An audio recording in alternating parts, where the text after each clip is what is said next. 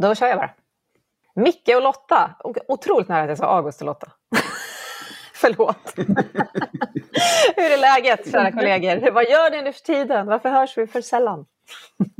Alltså det är jättebra. Det är lite avslutningstider, lite rosslig i halsen som ni hör kanske. Mm. Sjunger mycket för dagarna? Uh, nej men för mig är det helt fantastiskt. Jag känner som att jag jobbar på ett jobb. Jag har varit i Göteborg i två dagar nu och träffat fysiskt massa kollegor till oss, vilket var helt underbart. Det var så här kramkalas. Så att jag är lite uppfylld av det, men jag blir alltid lite trött av att resa. Mm. Känner igen det där. Men i den här hybrida världen så är det, det är olika sorters trötthet. Liksom. Det är den här zoom, gloom eller mm. jag älskar människor-tröttheten. Livslångt. En podd om lärande.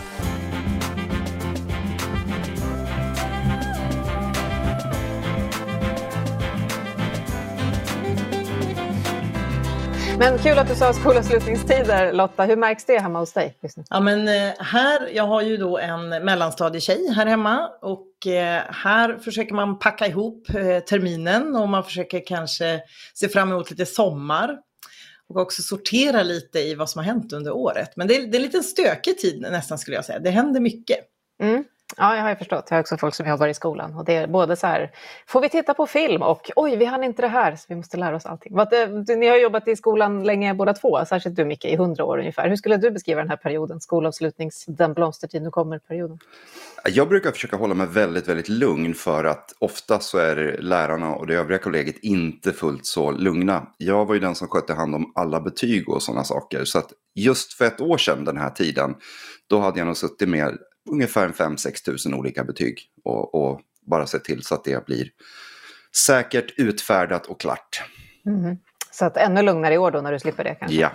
Men jag tänker bara vi ska alldeles strax berätta vilka ni är för de som nu inte kommer ihåg. För ni har ju faktiskt båda gästat podden förut. Men hur tänker man i skolan just nu kring sen? Kring nästa läsår? Är det liksom med censur, eh, vi vill bara ha sommarlov, med fasa eller det blir kul med ett år till? Vad skulle ni säga?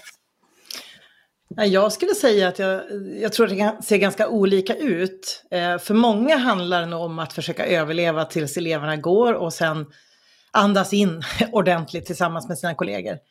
Men många skolor har också hittat bra mönster i att faktiskt fortbilda sig under året och kanske lägga planer och så. Men jag tror att det ser väldigt olika ut. Mm. Micke, vad säger du? Nej, men jag håller nog med. Jag, jag säger nog ungefär samma sak. Att jag tror att till viss del så ser man fram emot eh, sommarlovet eh, och väldigt välförtjänt också. Men samtidigt så vet ju både skolledning och lärare och personal överhuvudtaget att det, det, man har några få dagar när man faktiskt kan samlas och göra några extra såna här ansträngningar inom fortbildning eller liknande. Mm. Och titta lite framåt vart man ska. Och det är därför vi är här idag för att prata i Livslångt. Ni som då är Lotta Fransen och Micke Kring och jobbar med mig, Katarina Pietschak, fast vi ses alldeles för lite då, som vi konstaterade i början. Och vi tänkte prata om skolan och era erfarenheter av skolan och förnyelse av skolan, som är dagens ämne, har jag planerat. Men om vi bara börjar i, vad har skolan betytt för er i era liv? Jag brukar alltid fråga vem man är och så i den här podden, men jag valde en annan stor fråga här nu. Så vem som helst får börja. Vad har skolan betytt i era liv? Ska jag börja? Kör du. Det kanske inte är någon sån här super... Jag har alltid gillat skolan för att jag alltid haft kul i skolan. Men jag var en sån här som kunde läsa och skriva och räkna när jag började i skolan och såg fram emot det och sen så skulle vi börja liksom sitta och rita stora A. Eh, så att jag vet att min mamma sa att jag var jättebesviken när jag kom hem för första skoldagen. Och när jag var åtta år gammal så kände jag att nej, det här är ingenting för mig, det är alldeles för tråkigt. Så då började jag hålla på med musiken istället. Mm. Och eh, sen har jag liksom bara tagit mig igenom skolan, naturvetenskapligt gymnasium, lite ströpeng på, på universitetet, men haft andra drivkrafter som har gjort att jag liksom har haft ett livslångt lärande igång ändå. Men det roliga är att jag alltid arbetsmässigt hamnar i någon form av utbildning. Så jag jobbar som lärare inom musikproduktion, jag har, jag har lärt eh, pensionärer att surfa på webben, jag har varit gitarrlärare. Alltså, någonstans har jag alltid kommit tillbaka på skolan. Och så jobbar jag 24 år på en skola också. Mm. Och nu sitter jag här och jobbar fortfarande med lärande och skola. Det var inget för dig, det hör man ju verkligen. Där, som du konstaterade. Mm. Och Lotta, du då? Skolan i ditt liv? Nej, men, alltså, du hintade ju att du skulle ställa den här frågan, så jag funderade lite på det faktiskt. och inser att jag har liksom egentligen, det är som ett litet kinderägg. Jag har tre olika upplevelser av skolan. Eh, jag har nog alltid passat i skolan. Eh, sådär. Jag har alltid tyckt det var självklart att vara där och jag har verkligen trivts i skolan. Mm. Oftast. Framförallt på grundskolan.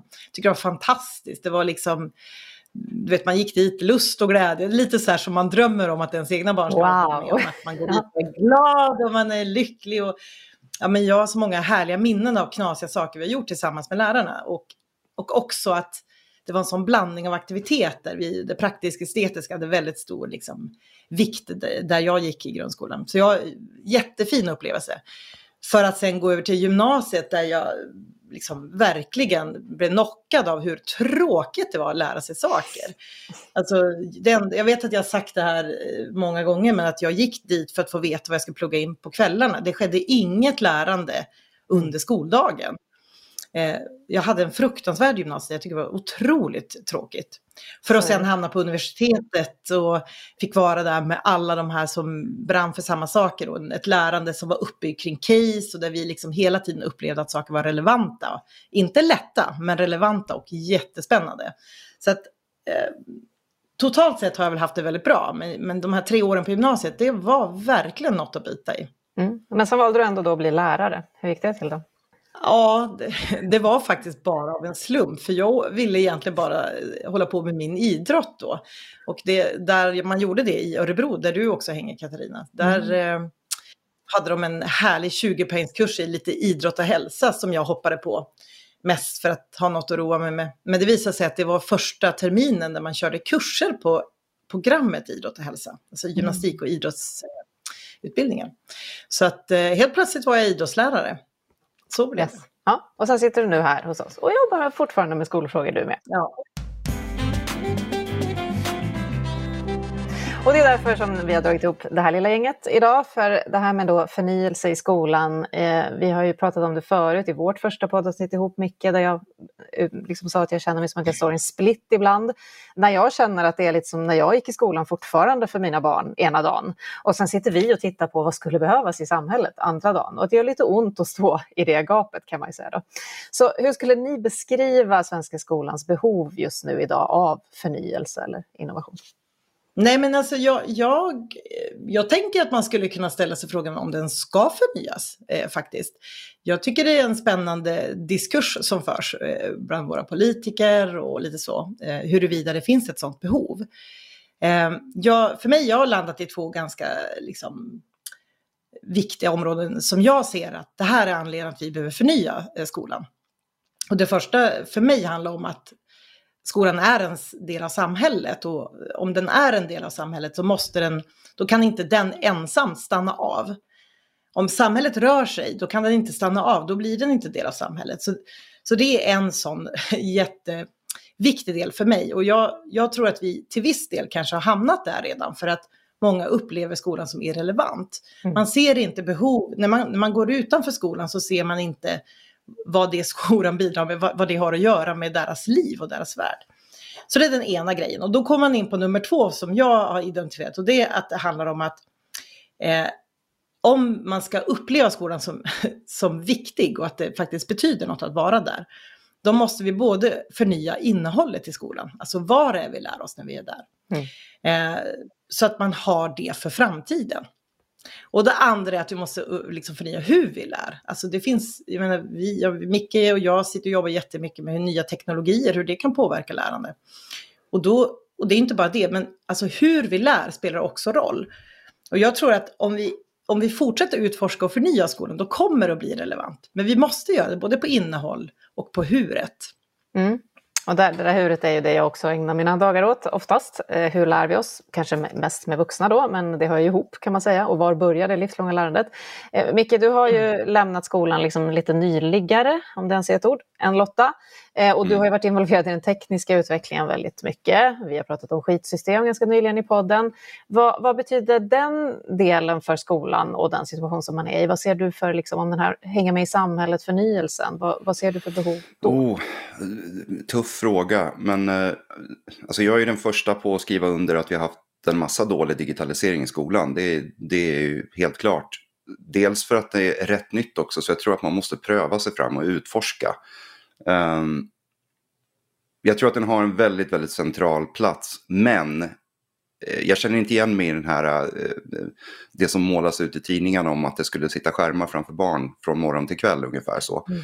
Utan jag tänker att det finns en plats för skärmar, och, men det finns också plats för en massa basfärdigheter som elever måste lära sig. Och det där, jag, jag glider alltid med det för att ibland kan skolan bli som ett slukhål. Så med det här, skolan måste lära eleverna att skolan, ja, och det kan vara allting ifrån ja. hjärt och lungräddning till ballett till vad det nu än är för någonting. Och jag tänker att någonstans måste vi, skulle behöva titta på så här, vad är egentligen barnen behöver ha med sig? De behöver lära sig att läsa och skriva. De behöver lära sig att räkna. Och sen tänker jag att eh, många av de här ämnena ska också fungera som någon form av smörgåsbord. Att inte bara servera det som barn tycker är intressant utan den här allmänbildade, att faktiskt få möjligheten att läsa historia. Det kanske man inte var intresserad av men man blev intresserad. Ehm, eller som vi brukar prata om just det här, hur mycket grejer när man blir äldre, som jag. När man går ut i skogen och så hör man fåglar och så bara, oh, jag har ingen aning om vad det där är för fågel. Varför lyssnade jag inte på mellanstadiet när jag tyckte det var så fruktansvärt tråkigt? Um, men det finns massvis med grejer som jag tänker som basala saker först. Men sen tror jag att vi kan, vi, kan anpassa, vi kan eh, säkert effektivisera saker med hjälp av, av digitalisering. Ehm, det finns massvis med ställen där jag tror att det, det, den nya teknologin kan hjälpa till. Men först och främst skulle vi nog bara ta och försöka komma överens om vad skolans grunduppdrag är först. Ehm, och det får inte bli ett slukhål. Mm. Och det är lite det, nu är ni inne på lite det som jag tänker, står och tänker på båda två, nämligen så här, vad handlar all förnyelse om då? Som du sa Lotta, om vi ska hänga med i samhället. Eh, jag är väldigt intresserad av det här med förmågor och vad är det? Du blir ju ändå en människa och det börjar någonstans och skolan har en stor del av det. så. Men vad är den här förnyelsen? Handlar det om att göra saker bättre, effektivare, som vi ofta håller på med i arbetslivet, eller handlar det om att göra någonting nytt då i det här nya samhället? Vad skulle du säga Lotta? Nej, men jag, om jag får koppla an till det du sa Micke så klokt. Det, det liksom att, eh, om, om vi tror att det finns saker som man behöver för att kunna vara en fullvärdig medlem av vårt samhälle. Om man utgår där och sen vet man att det, det här är det vi behöver ha med oss. Så måste det finnas utrymme för läraren, för passionen, för att brodera ut, att gå an, olika vägar. Och jag tror att en del av utmaningarna idag i skolan det är att det är för reglerat. Det är för styrt och det är för fyrkantigt. Så att man, man, man kan inte ta de här utsvävningarna. Man kan inte krydda saker med det som man själv som lärare kanske har en extra passion för som man kan dela med sig av. Det blir för fyrkant, det blir liksom nästan mekaniskt. Eh, och jag, jag tror vi måste försöka hitta tillbaka till tilliten till lärarnas profession och också hjälpa dem att se vad, vart vi vill att barnen ska vara när de har lämnat skolan. För att de är professionella, de är de som vet hur det här går till. De kan ta dem dit, men de behöver få lite hjälp. Mm. Vill du lägga till något, Micke? Nej, jag tror inte jag har något. Nej. Det var så bra sagt. Jag kan lägga till. Ja, jag undrar vad frågan var. Nej, men jag tänker vad det är som är kanske hindrande. Det, här kan det komma en liten rant nu då, varning. Men som förälder då, och det här har jag antytt förut i podden, så kan jag bli frustrerad och tycka att det är plågsamt och försöker hantera det. Det är inte bra för mitt hjärta eller för mina barns. Men det som gör ont är just strukturen och kulturen och när det hindrar de stora frågorna. Att det hamnar i skymundan på något sätt. Alla detaljer som ska in i skallen, alla glosor och grundämnen och historiska årtal, ni vet, grammatiken, allt det där. Det är som att man inte hinner fram till helheten, hur vi ska utveckla vad vi behöver som planet och människor och så. Eh, någon som vill reflektera över det? Alltså den här förnyelsen, handlar det om att, att, att titta på det här eller handlar det om att utveckla en ny läroplan som det kom ett förslag från från före detta skolministern ja. häromdagen till exempel? Ja, men här, här kommer min högst personliga liksom, reflektion, för jag tror att vi måste börja i att det ska finnas en, ett intresse någonstans. Och intresse uppstår inte du pratar om detaljer, men intresse uppstår inte i det lilla tror jag. Man måste förstå sig. Eh, jag då som kommer från, från en utbildning där man pratar väldigt mycket om eh, KASAM eller KASAM, att så här, man måste ha en känsla av sammanhang för saker. Och jag tror att i alla de detaljerna i hur vi ska styras, eh, som elev i skolan, man har lärare som styrs av saker, så tappar man känslan av vart vi är på väg barnen, alltså lärarna har tappat den, men också eleverna såklart. Så att man har ingen känsla på varför håller jag på med att lära mig glosor. En, en anekdot ifrån, från mitt hem då, när mitt barn kommer hem och ska lära sig glosor för första gången i årskurs två. Och jag frågar, ja men vad kul, vad roligt, jag är också engelska lärare då.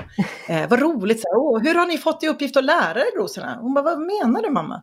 Ja men ni, ni har väl gått igenom hur du ska lära? Nej, vi ska bara kunna dem. Och då kände jag lite så här, men här är det någonting som har gått förlorat. För att mm. om man går i årskurs två och får hem sin läxa första gången, den största, liksom, det viktigaste i det mötet med engelskan och ta med det hem måste ju vara att man ska kunna kommunicera med någon där hemma på ett annat språk. Mm. Inte då som mitt barn hade uppfattat att hon ska kunna skriva av glosorna och inte ens förstå vad de betyder, utan hon ska kunna skriva dem.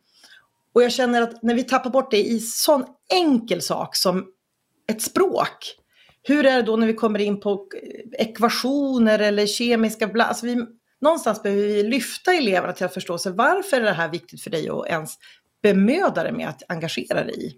Mm. Hur mycket ser ni av det här i debatten om skolan?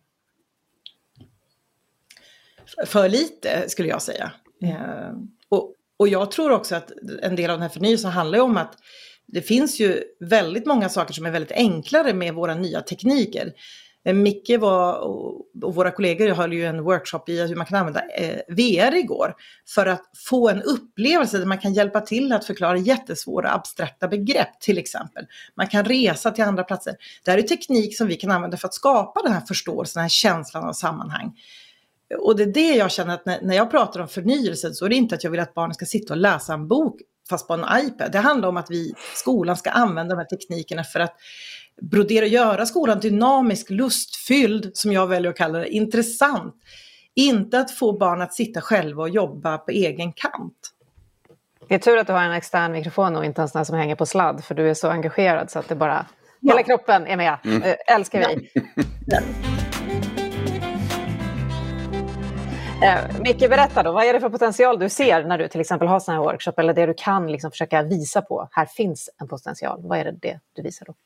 Nej, men jag, jag skulle vilja knyta an lite grann i det vi har pratat om tidigare, just det här med eh, att nu ska vi lära oss ekvationer, nu ska vi lära oss variabler, nu ska vi lära oss funktioner eller vad det nu än är för någonting, att det blir för abstrakt. Jag märker ju, vi kan ta till exempel varför står ungar och, och, och kickar boll mot väggen tusen timmar per kväll och så vidare. Jo, men det är för att de vill spela fotboll. Alltså det, det är så att de kan, det, det, de har gjort det, de, man, man, spelar och då vill man öva för man vill bli bättre. Samma sak kan jag tänka mig, varför satt jag själv och övade gitarr 6-8 timmar om dagen? Jo, men för jag, jag visste ju, det, jag vill, älskade Queen när jag var liten, jag älskar fortfarande Queen. Jag vill ju vara Brian May och stå längst fram på scenen, det är inget konstigt. Och jag tänker med teknik nu också, om vi hade tid som VR till exempel då för att kunna, till exempel man jobbar med geometri, att kunna dra i de här figurerna, testa fysik, dra in slides, hur mycket, om, om vi skulle ha gravitation som på månen. Hur, om jag släpper den här kuben nu, hur fort tar det innan den går ner i marken och så vidare. Det finns massvis med sådana och tänker jag, jag pratar om det i vår spelfokuspodd också, men till exempel om man använder kontexten spel som de flesta barn vet vad, vad, vad ett dataspel är, eller tv-spel, mobilspel, vad det är för någonting. Att nu ska vi göra ett spel och nu ska vi lära oss variabler. Så, jaha, varför då? Jo, men det är ju där vi lagrar våra liv. Hur många liv man har kvar eller hur många poäng man har. Mm. Okej, okay, det blir en icke-fråga. Eller mm. eh, koordinatsystem, ja men det är för att vi ska kunna placera ut figuren någonstans. Och den ska ju kunna gå från ett ställe till en annan. Vi kan inte skriva att den ska gå till vänster. Vi måste ju specificera det liksom. Mm. Och jag tror att de här kontexterna, det tror jag Lotta är inne på också sen, att vi med hjälp av modern teknik, eller bara så enkla grejer som tillbaka till de här skrivuppgifterna. Eh, på Årstaskolan har vi haft det här e-biblioteket Biblis i, i 12 år. Och redan sexåringarna får ju författarbesök från årskurs 5 och 6 som kommer och läser upp sina böcker. Alltså de vet redan att de ska skriva sina böcker. Mm. Och i årskurs 3 till exempel, då kommer man fram till, ja men nu ska vi prata om adjektiv. Jaha, vad är det för någonting? De har redan skrivit tre, tre kapitel. Då går man tillbaka till första kapitlet och så börjar man adjektivbomba. Mm. Men det blir, liksom, det blir icke-frågor för att det blir så mm. självklart. Det är så här, ja, men, ah, ah, ja, för att jag vill göra min bok bättre. Eller bli bättre på fotboll, eller bli bättre på gitarr, eller och så vidare. Och så vidare. Men just att sätta saker i en kontext. Och den tiden mm. finns inte i skolan att göra jag vet inte, det brukar väl ibland man prata om så tematiska arbeten och sånt också, att man drar ihop det över tema, om det tar så mycket tid och hit och dit. Men det är också min personliga, så som jag själv, jag har jättesvårt att lära mig saker om jag inte ser ett endgame, att det finns ett mål med det. Mm. Jag, jag var jätteintresserad av programmering. Jag, jag tog mig inte an det förrän jag satte mig själv målet att jag skulle bygga en programmeringskurs till lärare. Då lärde jag mig programmera. Mm. För att jag behövde själv verkligen ett så här, varför? Jo, därför. Men- Ehm, Förlåt Micke, jag, måste, nu, jag, jag ler lite för du sitter och viftar lika mycket som jag gör. Och Fantastiskt Tage. det är härligt. jag försöker inte slå till micken. Ja, ja, men jag, jag vill bara förstärka det du säger, för just det här att knyta ihop saker, att, att det finns, det här, att lära är ju också en utmaning i det. Det är ju någonting innan och efter man lärt sig någonting. Eh, och, och jag tänker, har man då inte förstått att man kan bli bättre på fotboll av att träna på det här, då är det svårt att motivera sig till att ta sig över den här pucken.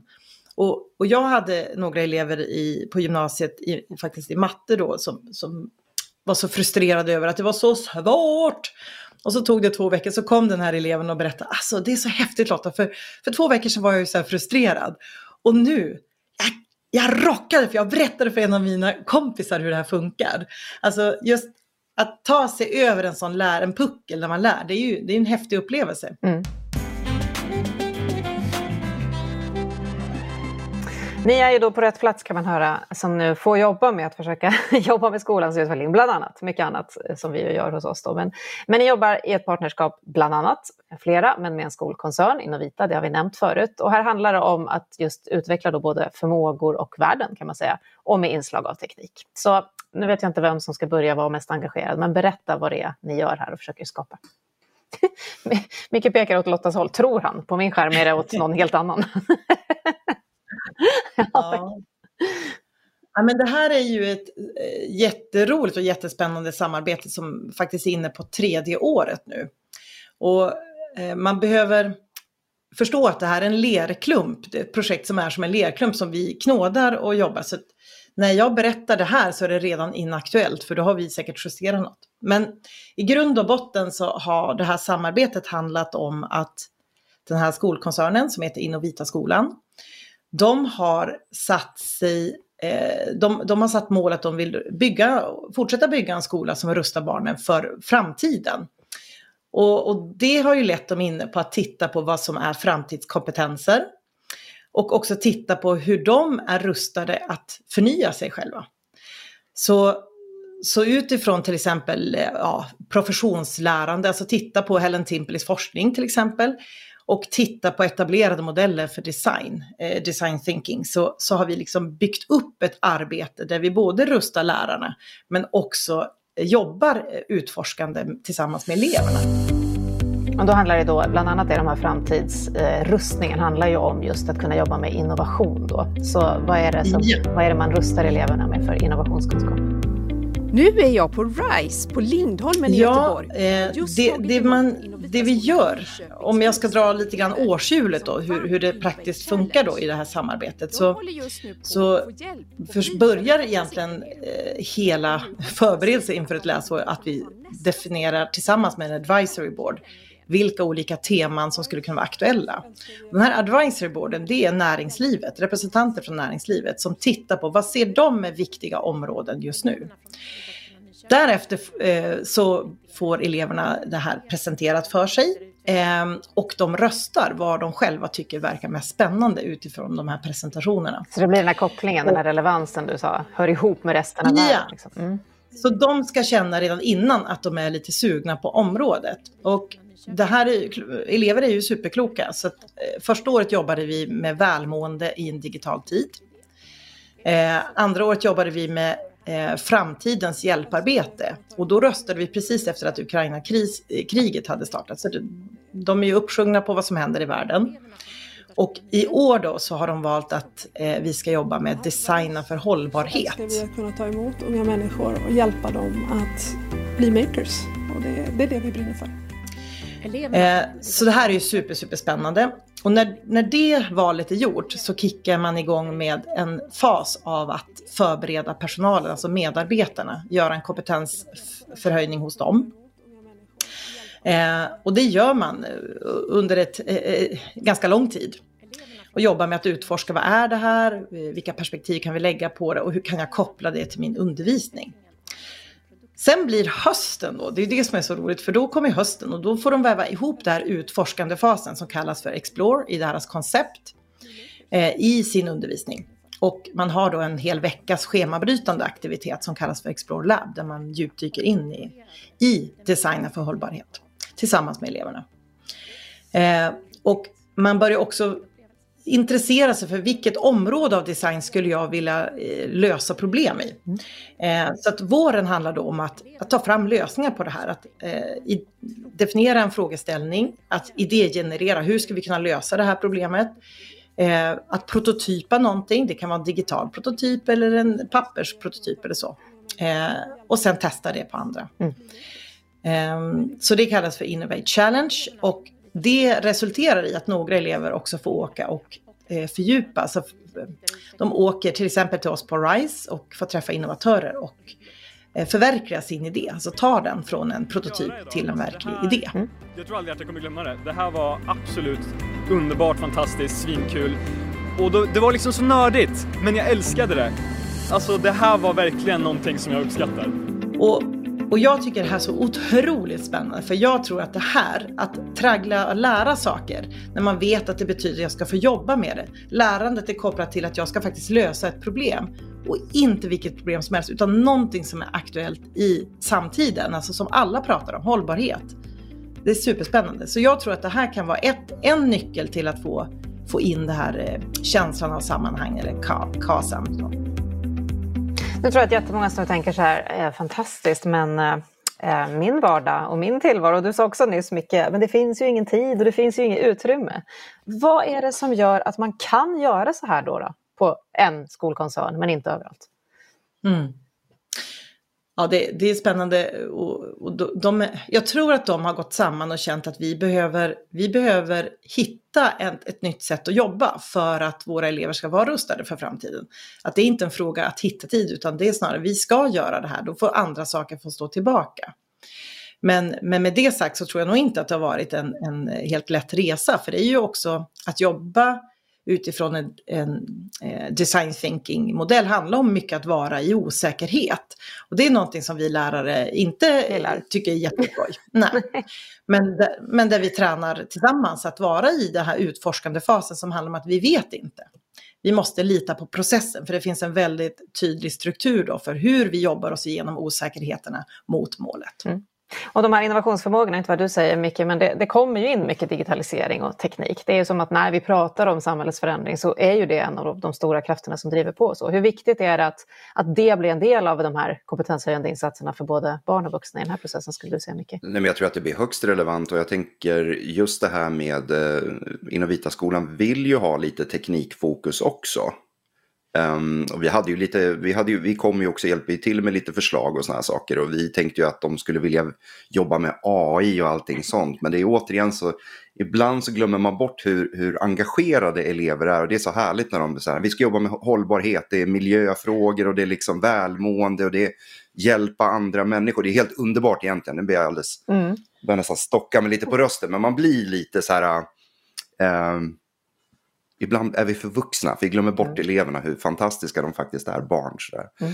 Nej, men jag tror att det, det, alltså det teknologiska rastret blir ju så himla klart, för att både jag och Lotta har ju fått djupdykt och verkligen fått plocka våra experter på RISE inom alla avdelningar här gällande textilier, framtidens hållbara drivmedel, det är beteendeförändringar som nudging och liknande sådana saker. Så att vi har ju fått lärt oss jättemycket också. Vi har nästan scary liksom, food. Ska jag berätta om scary food och äta insekter eller göra korv av eh, sjöpung och allt vad det nu är för någonting sådär. Det är super, super spännande. Men mycket av det här det är ju på grund av liksom att vi har en teknisk utveckling. Mm som gör att vi börjar hitta de här sakerna. Sortera kläder med hjälp av AI. Det finns ju de här blandmaterialen med både syntet och bomull. Hur ska man liksom kunna, de här bergen av kläder som vi har, ja, då kan man använda liksom kameror och att de automatiskt sorteras med AI. Så det finns ett jättestort teknikraster där. Alltså. Mm. Det blir ju en, en, en, verkligen en del av det här. Eh, anledningen att man ska förnya, det handlar om att vi har elever idag som väljer att inte vara i skolan. Alltså på gymnasiet hoppar man av Eh, på grundskolan väljer man att inte gå dit. Det är jättestora problem med det i skolan. Och det handlar om att man inte ser en nytta av att vara där och en miljö som inte lockar till lärande. Man ser inte vinsten med att gå dit. Eh, så att jag, jag ser det här är en, det är en allvarlig liksom, indikation och jag tror inte att det kommer bli bättre eh, om vi inte gör eh, mer disruptiv, in, dis, disruptiva ingrepp i hur skolan ser ut. Alltså, vi pratar ju om att eh, vi har Eh, systematiskt kvalitetsarbete som handlar om att förfina och förbättra och det gör skolan väldigt bra och väldigt systematiskt redan idag. Men när vi har gnidit på den här lilla diamanten, nu kan vi inte gnida mer, nu måste vi ta fram en ny diamant och göra saker på ett annat sätt. Och det tror jag, alltså att göra en disruptiv förändring, det är det som krävs för att eleverna ska tycka att skolan är relevant att man går dit och man eh, engagerar sig i det som händer där. För att man ser att det finns en vinst av att vara där. Det gör många elever inte idag. Nej, och då ibland så pratar vi om att det måste till någon form av kris då. När det kommer en pandemi, då ställer vi om och sådär. Att det är väldigt svårt att disrupta eh, annars. Så. Vi har till och med en kollega eh, som jag hörde häromdagen säga att när 50 procent av föräldrarna håller sina barn hemma för att skolan skadar barnen, då, då är vi i en kris. Men det ser vi mm. inte hända. Så vad, vad tror du krävs för att det här ska ske, Lotta?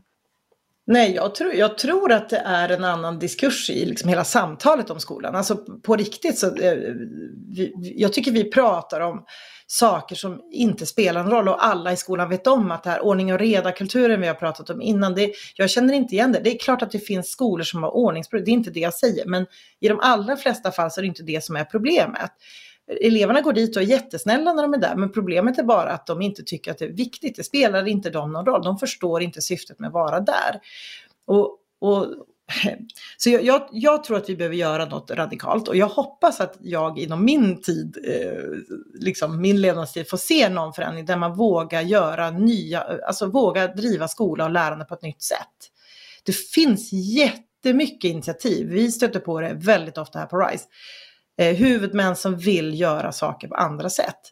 Och som kanske inte kan på grund av de re regler som finns. Vi, vi verkar ju inom ett system som också, mm. eh, på gott och ont, som du sa Micke innan, att eh, på gott och ont så kan vi behöva bromsa. Vi ska inte vara så förändringsresistenta, men, men man måste få prova och man måste prova i liten skala. Eh, då tror jag att vi, liksom, vi ska inte göra det som ett experiment på alla Sveriges elever samtidigt, men vi måste våga prova och, och se vad får det här för effekter. Just det, det är nästan blivit något fult att prata om experiment i skolan, att det är någonting som, som vi ska ja. sluta experimentera på elever. Men om det då inte räckte med de här mänskliga aspekterna för de här eleverna och för deras enskilda framtid, vad riskerar vi i samhället mm. om vi inte gör det här? Mm. Ja, men, och, och det, där är faktiskt också, det, det, har vi ju sett ganska mycket av också, att företagen säger släpp ungarna tidigt, de behöver inte gå på gymnasiet, skicka dem till oss, vi tar över kompetensförsörjningen. För att när de kommer efter gymnasiet har de ändå inte med sig det de behöver. Mm. Så därför, släpp dem så snabbt som ni kan. Vi tar över och vi kommer att driva den kompetensutvecklingen så att vi får eh, människor som, som kan det som vi behöver. Det uttrycker ju för näringslivet väldigt tydligt att eh, vi, vi, sköter oss, skol, alltså både skola och universitet, vi gör inte riktigt det vi behöver göra för det kommer inte ut folk som kan jobba med det som de vill ha. Mm. Men en annan sak som jag tänker skulle kunna vara hinder i vägen för skolans förnyelse, eh, det är liksom när själva skolarbetet pågår i praktiken. Hur gör man till exempel när det gäller förnyelse och innovationsförmåga med det som alla elever jag har träffat i alla fall, inklusive mina egna, är fokuserade på efter åratals programmering av hjärnan, nämligen bedömning. Fråga, hur bedöms det här? Bedöms det här? Kommer det här på bedömningen? Frågar ju elever vid varje uppgift från det att de börjar få betyg. Så. Och bedömning ska ju vara formativ feedback och så vidare. och så vidare. Men skolkulturen har ju lite svårt att se till att det blir så. Hur jobbar man med det? Hur jobbar man med att bedöma innovationsförmåga så att den verkligen kommer in i gamet? Så att säga? Mm. Ja, alltså Katarina, en podd om bedömning i skolan, om vi, vi bestämmer att vi har en sån, då kan jag, då, då, då, kan jag säga att vi, det är ju dock så att vi ska bedöma ja. och, och vi gör ju det formativt och, och många lärare är otroligt skickliga på att ge mm. feedback, vilket är ju det som vi faktiskt gör skillnad för lärandet. Mm. Men sen har vi också betyg som också är på tapeten att diskutera eh, om vi ska fortsätta med det. Eh, också mycket diskussioner om huruvida de faktiskt speglar någon kunskap eller inte. Men om jag ska gå över till svar på din fråga, ja, Det är nog bäst tror jag. I det här fallet, ja, så, så tänker jag att det man behöver börja med det är att fundera lite grann på när vi pratar om förmågor till innovation. Då behöver man ju kanske specificera vad det faktiskt är. Eh, och när man gör det, då kommer man att se att många av dem redan finns i läroplanen. Alltså, vi pratar ju om eh, problemlösningsförmåga, jätteviktig del. Att kunna tänka eh, eh divergent och konvergent, alltså stort och litet. Det handlar om att kommunicera, det handlar om att planera, det handlar om digital kompetens, jätteviktigt för innovation. Och det, han, det handlar eh, om initiativförmåga, eller jag brukar prata om empowerment, alltså förmågan att ta sig för att göra förändring. Så att jag tänker de här sakerna finns i läroplanen redan, så egentligen så tror jag inte att det är eh, ett problem att bedöma det. Men problemet, eller det som jag tror att man gör i den här eh, koncepten, det är att man lyfter fram det som en sammanhållande faktor som man länkar saker till. Det blir ett, ett sammanhang, eh, ett, en mening, meningsskapande. Att man utgår från någonting. Man utgår från ett problem som man ska lösa genom att lära sig nya saker och sedan innovera. Så jag, jag, det finns ingenting som man betygsätter specifikt för koncepten, utan de här koncepten är infärgade då i undervisningen. Ja.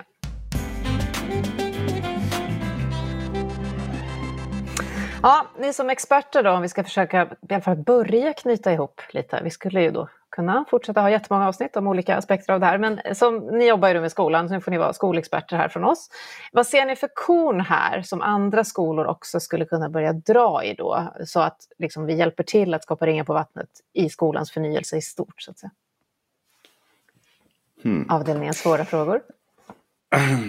Ja, Nej, men jag, jag, tror till, tillbaka till det som jag pratade om tidigare också det här med att sätta lärande i ett sammanhang. Och det var lite tror jag du som pratade om också Katarina, just det här med att ibland känns det som att vi sitter och försöker få elever att förstå små, små väsensskilda delar och inte förstå liksom hur de hör ihop.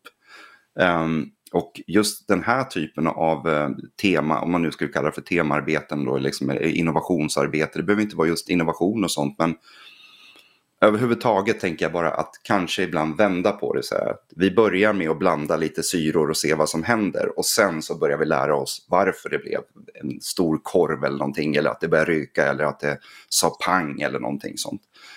Um, bara det här att få känna på att man faktiskt gör eller ser resultatet och sen bryter ner i små delar. Men det känns ibland som i skolan att vi gör lite tvärtom. Vi börjar med smådelarna och sen så Ja men det blir bra när du, det, det, det, här behöver du kunna när du går på mellanstadiet och sen behöver du kunna det på högstadiet, sen någonstans uppe på högskolan, då fick du testa och se vad det, jaha var det det här det blev? Tänk om någon hade sagt det till mig när jag var sju. Mm. Så att jag tror att, jag tror att det är återigen tillbaka till det att liksom um, det blir tydligt varför man lär sig någonting. Att man slipper, säga, eller man slipper fråga läraren varför ska jag kunna det här. Mm. Den frågan skulle jag vilja bort ifrån. Ja, det skulle nog många lärare också vilja. Lotta, vad tänker du? Vad mm. kan man ta med sig från det här arbetet? Bli inspirerad av och kanske testa i liten skala eller något? Ja, men precis. Det här är ju ett, ett stort projekt som liksom, det involveras otroligt många. Det är ju en hel koncern som har gått in med det här med hull och hår. Och flera år ska vi väl säga också. Alltså det är verkligen... Ja, precis. Och, och, och har tagit hjälp av ett, ett stort forskningsinstitut. Såklart det finns krut i det här projektet, men, men jag tror att eh, det, som, det som jag upplever är eh, viktigast att göra, det är att börja göra. Alltså att inte vara så försiktig, utan att, att faktiskt prova. Är man lite nyfiken på hur man kan jobba med, med att använda design eh, eller innovationsprocesser. Så kan man googla till exempel på Double Diamond som är en process och se vad man hittar där. För den, den är väldigt lätt att följa, det är, ing, det är inte rocket science, ni gör det här redan jättemycket men det är en struktur att följa. Eh, men också kanske att, att prata sig samman med ett par lärare, för, för innovation handlar om att, att mixa olika områden, vetenskapsområden. Så att om vi tänker i skolans värld betyder det att sitt inte och prata med engelska lärarna bara om hur ni ska förnya, utan prata ihop er, hitta någonting där tre, fyra ämnen har någorlunda lika saker i sin läroplan. Gör ett arbetsområde som bakar in de här. Och så använder ni design thinking-processen Double Diamond som, som en eh, ledstång i det arbetet. Och det går också jättebra att ta hjälp, till exempel av oss mm, eller någon annan om man vill. Mm. Ja. Mm. Det, eh, jag sitter och tänker just på det vi började med, det är skolavslutningstider och det finns några, några dagar under ett skolår som inte då är liksom fullständigt schemalagda av lektioner och allt annat som pågår i en vanlig skolvardag. Och vår gamla kollega Lars Lingman som var med och startade den här podden, han sa rätt frankt flera gånger faktiskt, on air, att skolan är den mest förändringsresistenta organisation som finns. Och att den enda lucka man har under skolåret för att alls förändra någonting, det är de här dagarna. Det är kanske lite grann nu, om inte det är mest att stänga året, och sen lite grann i början av höstterminen. Så det är liksom det vi blickar emot här nu då, eh, och varför vi sänder ut det här nu. Lite hopp och uppmuntran om att äta elefanten i små steg. Du var på det Lotta, men lite pepp. Kan ni skicka med liksom, det här, ni kan ta er an det här på något sätt? Nej, men jag, eh, alltså jag är övertygad om att, att Lars har fel, eh, vår före detta chef. För jag tänker att det är hoppfullt ändå. Ja, ja. Men jag, jag tänker att, eh, och, och därför många av oss som jobbar som lärare är ju för att det är ett yrke där man är väldigt, man har ganska stort handlingsutrymme. Men man måste också våga ta det handlingsutrymmet. Så jag tänker att så här, det är ganska enkelt, få med dig dina elever. Du är, ju, jag menar, är du klasslärare så har du ju alla möjligheter att göra, att bryta de här 40 minuters lektion, gör något större arbetsområde där man låter eleverna arbeta kring ett tema på olika perspektiv. Så jag, jag skulle nog snarare säga så här, tycker man att det här låter spännande, var inte så orolig, testa, kör, gör någonting. Får du med dig eleverna så har de garanterat lärt sig massor. Eh, så att, eh, inte så ängsligt skulle jag säga, kör på, testa. Och testa i liten skala till att börja med. Då har du ju liksom, du, prova får man alltid göra. Och Micke, du har gjort enormt många grejer som inte alla skolor har gjort. kan man ju läsa om på din egen sida, mickekring.se. Men du fick ju med dig massa lärare på saker som andra blott tittar längtansfullt efter och så. så. Så någonting om det, hur fick du med dig alla? Lotta pratade om att få med sig eleverna, hur fick du med dig lärarna? Nej men alltså det var lärare från början som kom till mig och därför känner jag inte heller riktigt igen mig i Lars. Jag, visst, det är en stor koloss men jag tror också att den måste få vara lite så här bromsbenägen för vi ska inte hoppa på allt. Mm. Jag pratar om dålig digitalisering till exempel. Vi kan inte bara svälja alla prylar som finns här och nu och springa på alla bollar. Men alltså bland de mest förändringsbenägna människor jag träffar är just lärare. Så att eh, det finns där liksom. Och jag tänker att nu när vi har de här små dagarna kvar, du kanske inte det här avsnittet hinner komma ut, men till nästa jo då, då. det kommer ut på tisdag som, när vi som, spelar in det här. Så ja, det mycket väl komma ut. Så, om du är rektor och lyssnar på det här, ja. låt inte lärarna eh, behöva packa och göra sådana saker, utan låt dem få de här härliga sommardagarna till att faktiskt sätta sig ner och prata med varandra och planera lite roliga grejer. Och lyssna på vad Lotta sa alldeles nyss. Böjde du dig fint fram emot micken och betonade. Det tycker jag var ett jättebra avslut. Eh, den 6 juni är det när det här avsnittet kommer ut. Också en väldigt bra dag att lyssna på podd, för den är ju röd för många. Så då tänker jag att vi skickar med det här då till ett hopp om skolans förnyelse, att det går att göra det och det behövs också om jag tolkar det rätt. Vågen gör Micke det. Stort tack Juhu. kära kollegor Lotta Fransson och Micke Kring. Tack. Ni kom till mig och berättade tack, om tack. arbetet med förnyelse i skolan och för att ni lät mig ranta lite om det. Hej då! Hej då! tack, tack! Och nu eftersnacket. Någonstans så tänker man att man tror också om vi bara fortsätter som vi gör, det är mycket tryggare. Men jag tänker att det är inte tryggt att göra, fortsätta göra det vi har gjort mm. tidigare. För att vi ser redan nu, symptomen är att det här det kommer inte att funka i längden mm. så som skolan ser ut.